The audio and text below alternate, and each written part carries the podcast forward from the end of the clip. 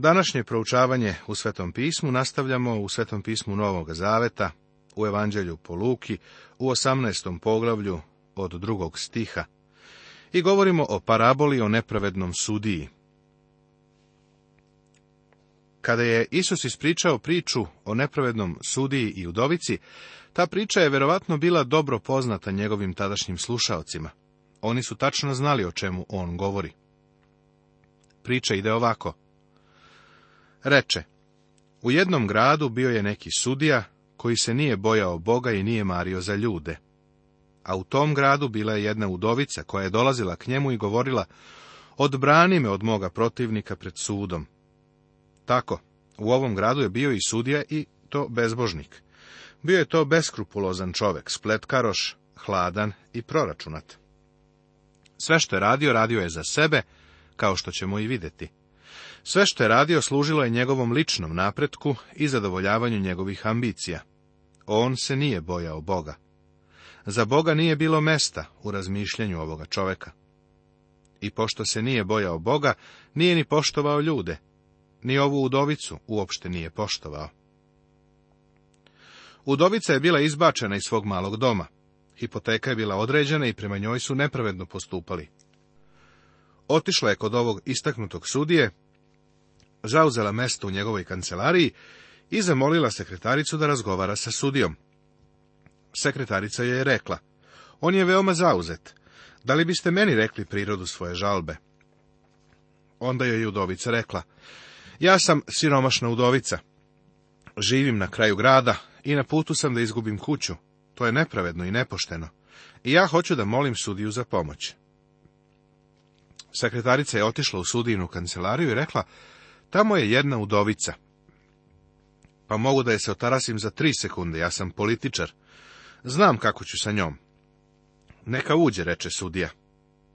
Ona je ušla. On ju je slušao tri minuta. Onda je rekao, znate, žao mi je, ali to nije u mojoj nadležnosti. Voleo bih da mogu pomoći, ali nisam u mogućnosti bilo šta da uradim. Doviđenja. Kada je sljedećeg dana ušao u kancelariju, Tamo je bila udovica. On je požurio u svoju kancelariju, pozvao sekretaricu i upitao, šta ova udovica opet ovdje radi? Kaže da želi da vas vidi. Idite tamo i recite da sam zauzet sve do ručka. Već sam je to rekla, ali ona je donela čak i svoj ručak. Kaže da će čekati koliko god bude bilo potrebno. Ostala je ceo dan i nije uspjela da se vidi sa njim. Mislio je da je se oslobodio.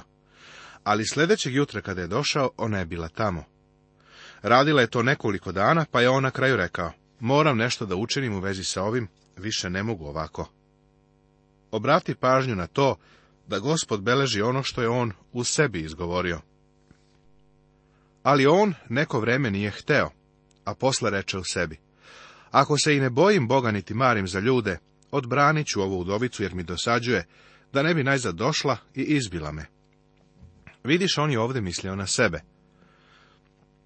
Ne znam da li je stvarno mislio da će ga ona prebiti, ovdje ne piše da mu je ona pretila. Ali sama činjenica da udovica tamo u sudinoj kancelariji sedi svakog dana nije delovala dobro. On je ušao u kancelariju i rekao, razmišljamo siromašnima, ali nije na njih mislio, mislio je na sebe. Da me ne bi prebila, bolje da joj pomognem. Svoje sekretarici je rekao, uvedite je. Ovaj put je rekao udovici, zakonski ću vas zaštititi. To je priča. Dalje reče gospod, čujte šta govori nepravedni sudija. A Bog, zar da ne odbrani svoje izabrane koji mu vapiju danju i noću, i zar da okleva sa njima?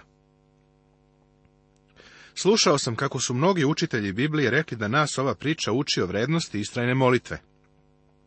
Iako ne želim da se ne složim sa ljudima koji su veći od mene, ovo baš nije tako.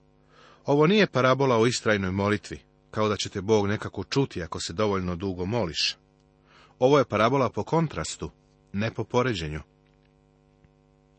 Parabole su bile priče koje je gospod kazivao da bi ilustrovao istinu. Reč parabola potiče od dve grčke reči. Para znači pored, a balo znači baciti, to je glagol. Parabola označava nešto što je bačeno pored nečega drugog, da bi ti o njemu nešto reklo. Na primjer, metar postavljen pored stola je parabola stola, govoriti koliko je sto visok. Parabola je priča koju je gospod kazivao da bi ilustrovao božansku istinu. Postoje dva načina na koja je to mogao učiniti. Jedan je poređenjem, a drugi je kontrastom. Gospod ovde govori. Kada Bogu dođeš u molitvi, misliš da je on nepravedni sudija? Kada mu dođeš u molitvi, misliš da je jeftin političar? Misliš li da Bog nešto radi iz političkih razloga? Prijatelju, ako ovako misliš, nisi u pravu. Bog nije nepravedni sudija.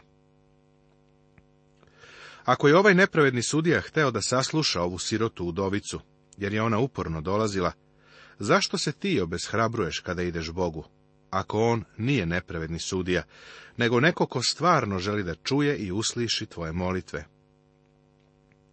Zašto je Boži narod danas tako obeshrabren u molitvenom životu? Zar ne znaš, prijatelju, da on nije nepravedni sudija? Ne moraš da mu se držiš za kaput i da ga moljakaš. Bog želi da deluje u tvoju korist. Da smo imali takav stav, to bi promenilo naš molitveni život. Dolazili bismo u njegovu prisutnost, znajući da on želi da nas sasluša. Ponašamo se kao da je on nepravedni sudija, a mi moramo da kidišemo na njega, da bi nas nekako jedva saslušao. Prijatelju, Bog nije nepravedni sudija. Parabola o fariseju i cariniku Gospod nam sada daje drugu parabolu o molitvi. A ovu priču kaza nekima koji su bili uvereni u sebe, da su pravedni, i ostale ljude ni podaštavali.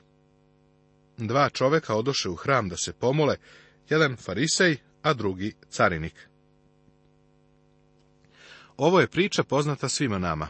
O, sa kakvom prodornošću i oštrom satirom im je ovo ispričao. Ali to nije učinio da bi ih povredio, nego da bi im pomogao.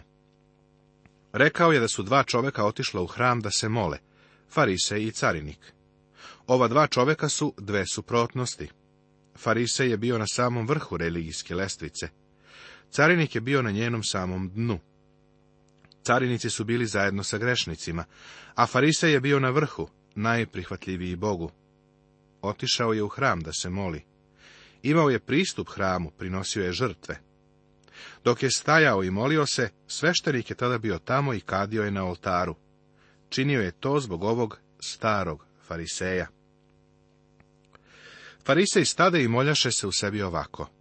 Bože, hvala ti što nisam kao drugi ljudi, razbojnici, nepravednici, preljubočnici ili kao i ovaj carinik.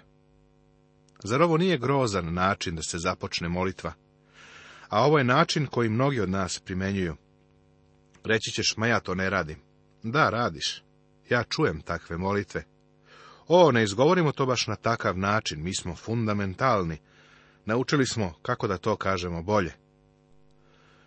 Imamo sobstveni način izražavanja. Gospode, hvala ti što mogu da ti posvetim s moje vreme i moju službu. Samo saslušaj to. Kakav je to samo kompliment, gospodu?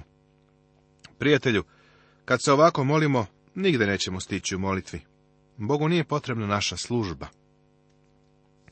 Farise je rekao, hvala ti što nisam kao ostali ljudi. A onda je počeo da nabraja šta sve on nije. Nisam razbojnik. Očigledno je tu u okolini bio neki razbojnik. Nisam nepravednik, ni preljubočinac. Onda je video da je carinik tu napolju, pa je rekao, i veruj mi, gospode, nisam ni kao carinik. Nisam kao onaj grešnik tamo. A onda je počeo da govori gospodu šta sve on čini. Postim dva puta u nedelji, dajem desetak od svega što stičem. Čoveče, zar ovo nije strašan momak? Zar ne bismo voljeli da ga imamo u našoj crkvi? Gospod za njega kaže da se on molio u sebi. Drugim rečima držao je Hamletovski monolog. Znaš da je Hamlet tako odlazio i pričao sam sa sobom. I uzgleda kažem, Hamlet je bio malo pomeren, bio je psihijatrijski slučaj. Hamlet kaže, biti ili ne biti, pitanje je sad. A stari farisej isto govori samome sebi, on misli da govori Bogu, ali njegova molitva nikada nije prešla krov. On je u stvari sam sebe bodrio, sebe je tapšao po ramenima i otišao je ponosan kao paun. Bog tu molitvu nije čuo. Stari carinik, o, kakav probisvet! Bio je grešnik, pao je nisko da niže ne može. Prodao je svoj narod kada je postao carinik. Kada je postao carinik, odrekao se svoga naroda. Kada se odrekao svoga naroda, kao jevrin odrekao se svoje religije. Okrenuo je leđa Bogu. Krenuo je jednosmernom ulicom, da se nikada više ne vrati Bogu. Zašto je to uradio? Jer je bilo unosno. Rekao je, na ovom putu je novac. Postao je bogati carinik. Ali to nije zadovoljilo njegovo srce. Pročitaj priču o Leviju. Pročitaj priču o Zahaju u Luki u 19. poglavlju. Srce carinika je bilo prazno. Ovaj siroti carinik, u svojoj bedi i očaju, znajući da nema pristupa, zaklopcu milosti u hramu, vapi Bogu.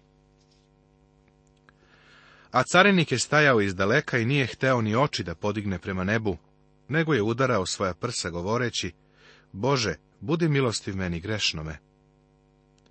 Bože, budi milostiv meni grešnome, zar ovo nije odgovarajuće, adekvatno izrečeno? Dozvoli da ti to prenesem baš jezikom koji je i on upotrebio. On nije smeo ni da podigne oči ka nebu, nego je spustio glavu na grudi i rekao, O Bože, ja sam jadni carinik.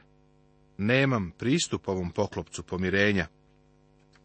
O, kada bi taj poklopac pomirenja samo za mene načinio. Želim da dođem. Gospod je rekao da je čuo molitvu ovoga čoveka. Znaš li zašto se ta molitva čula? Jer je gospod Isus baš tada bio na putu ka krstu, da za ovog čoveka načini poklopac pomirenja. Jovan piše ovako.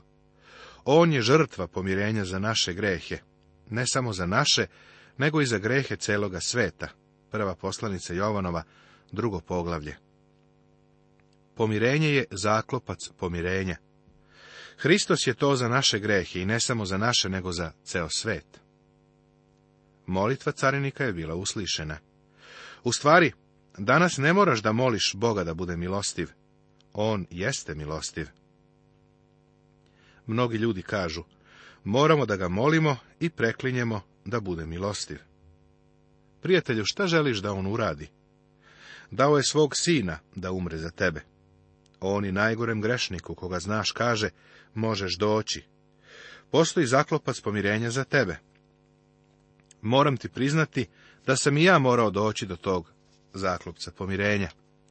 A ako si ti Božije dete, ti si došao do tog zaklopca pomirenja gdje je on umro tamo na krstu za tvoje i moje grehe. Kazna je plaćena. Sveti Bog može da drži svoje ruke raširene i ne moraš da ga preklinješ. Ne moraš ništa da mu obećavaš, jer on zna tvoje slabosti. Ne moraš nečemu ni da se pridružiš, ne moraš čak ni da budeš neko. Možeš biti kao ovaj siroti carinik. Možeš doći i pouzdati se u njega, a on će te spasti. Bog je milostiv. Kažem vam, ovaj se vratio kući opravdan, a ne onaj, jer će biti ponižen svako ko uzdiže samoga sebe, a uzvišen će biti ko samoga sebe unizuje. Isus blagosilja decu. Deca vole da budu sa gospodom Isusom. Donosili su mu i malu decu da ih dotakne. A kad su učenici to vidjeli, zabranjivali su im. Čak su i učenici rekli, ne dovodite mu decu, ne uznemiravajte ga. Ali Isus dozva decu k sebi i reče, pustite decu da dolaze k meni i ne sprečavajte ih, jer carstvo Božije pripada takvima. Smatralo se da mala deca nisu naročito važna. Gospod Isus je imao drugačije mišljenje o deci. Ona mu nisu bila na teretu. Zaista vam kažem, ko ne primi carstvo Božije kao dete, neće ući u njega. Deca su normalno i prirodno došla gospodu. On nije želeo da ih odrasli sprečavaju u tome. Neka se Bog smiluje onima koji udaljavaju decu od njega. U vezi sa ovom temom Luka je već rekao, bolje bi mu bilo da se žrvanj obesio njegov vrat i da ga bace u more, nego da sablazni jednog od ovih malih. Vidiš, mališani će ići za tobom. Oni su u potpunosti pouzdaju u tebe, oni će učiniti sve što poželiš. Neka ti Bog bude milostiv ako ih ne dovedeš Bogu. Deca normalno dolaze Bogu. Neko će prigovoriti, ali i deca imaju palu prirodu. Da, imaju. Ali mališani još nisu dostigli vreme računljivosti ili odgovornosti. Jedina odluka koju deca donose jeste odluka koja im se predloži. Takva je priroda malog deteta. Naravno, mališan će odrasti i razvijeći sobstvenu volju. Baš tu počinje nevolja. Ali dok je još savitljiv, osiguraj i dolazak Hristu. Isus suočava mladog starešinu sa pet od deset Božih zapovesti. Izveštaj o mladom bogatom starešini imamo i u Evanđelju po Mateju u 19. poglavlju i Marku, desetom poglavlju. Ovo je divna priča. U ovom izveštaju gospod se raspitivao za stavi ponašanje ovog mladog starešine. I zapita ga jedan starešina. Dobri učitelju, šta da učenim pa da nasledim večni život? A Isus mu reče, što me nazivaš dobrim? Niko nije dobar osim jednoga Boga. Gospod Isus je vodio ovog mladog čoveka da s namerom da on u Isusu prepozna dobrotu. I to zato što je Isus Bog. Zato ga je Isus potsticao napred. To bi ovog čoveka dovelo do prihvatanja Isusa na način na koji su to učenici učinili. Ti si Hristos, sin Boga živoga. Znaš zapovesti. Ne čini preljube, ne ubiji, ne ukradi, ne svedoči lažno, poštuj svoga oca i majku. On pa kreće, držao sam sve to od svoje mladosti. A kad je Isus to čuo, reče mu, nedostaje ti još jedno. Prodaj sve što imaš i razdaj siromasima, pa ćeš imati blago na nebesima. I hajde, pođi za mnom. Isus je u trenutku pokazao mladom starešini drugi deo deset zapovesti koji se na latinskom naziva probitas. Ovaj deo se bavi čovekovim odnosom prema čoveku. Prvi deo se odnosi na čovekov odnos prema Bogu i na latinskom se naziva pietas. Ovaj mladi čovjek je uspeo da ispuni drugi deo, ali ne i prvi. Bila mu je potrebna zajednica sa Bogom, koja mu je očigledno nedostajala. Bogatstvo se isprečilo na putu. Zakon je osuđivao ovog privlačnog mladog čoveka. Bogatstvo je za njega bilo kamen spoticanja. Za nekog drugog, kamen spoticanja je nešto drugo. Nemoguće je da bilo koji čovek u carstvo Božije uđe preko blaga ili bilo kojih drugih ljudskih sredstava. Jedino Bog može da provuče Kamilu kroz iglene uši. Jedino Bog obnavlja. A on, čuvši to, postade vrlo žalostan, jer je bio vrlo bogat. A kad ga Isus vide takvog, reče, kako imućni ljudi teško ulaze u carstvo Božije. Lakše je kamili da prođe kroz iglene uši, nego da bogataš uđe u carstvo Božije. A oni koji su čuli rekoše, pa ko može da se spase? On pak reče, što je kod ljudi nemoguće, mogućno je kod Boga. Na to Petar reče, vidi, mi smo ostavili sve svoje i pošli smo za tobom. A on im reče, zaista vam kažem da nema ni jednoga koji je radi carstva Božijeg ostavio kuću ili ženu, ili braću, ili roditelje, ili decu, a da ne primi mnogo više u ovo vreme i večni život u svetu koji će doći uprkos nedostatku i nespremnosti, piše da je Isus voleo tog čoveka. Bogatstvo je odvojilo ovog mladog čoveka od Isusa. Da je sledio Isusa, došao bi do krsta radi spasenja, jer Isus je u to vrijeme bio vrlo blizu krsta. Ko je bio ovaj mladi čovek? Ne znam. Da li je kasnije počeo da sledi gospoda? Nadam se. Da li ćeš ti ići za Isusom? On te voli. Isus isceljuje slepca pri ulasku u Jerihom.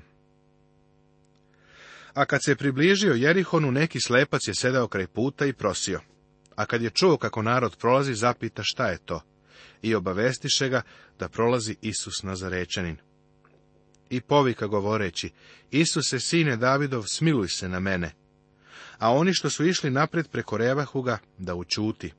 Ali je on još više vikao, sine Davidov, smiluj se na mene. I Isus stade i zapovedi da ga dovedu k njemu. A kad se on približi, zapita ga, šta hoćeš da ti učinim? Ovaj pak reče, gospode, da progledam. Tada mu Isus reče, progledaj, spasla te je tvoja vera. I odmah progleda i iđaše za njim slaveći Boga. Hvalio je Boga i sav narod koji je to video. Nakon što je bio isceljen, otvorenim očima je sledio Isusa. Šta će vidjeti za nekoliko dana? Videće kako Isus umire na krstu. Mnoštva ljudi danas sa zdravim vidom još nisu vidjela Isusovu smrt na krstu i kako to ima veze sa njihovim životom i oproštenjem njihovih greha. Ako ni ti do sada to nisi učinio, pogledaj, progledaj i budi živ. Nastavit će se.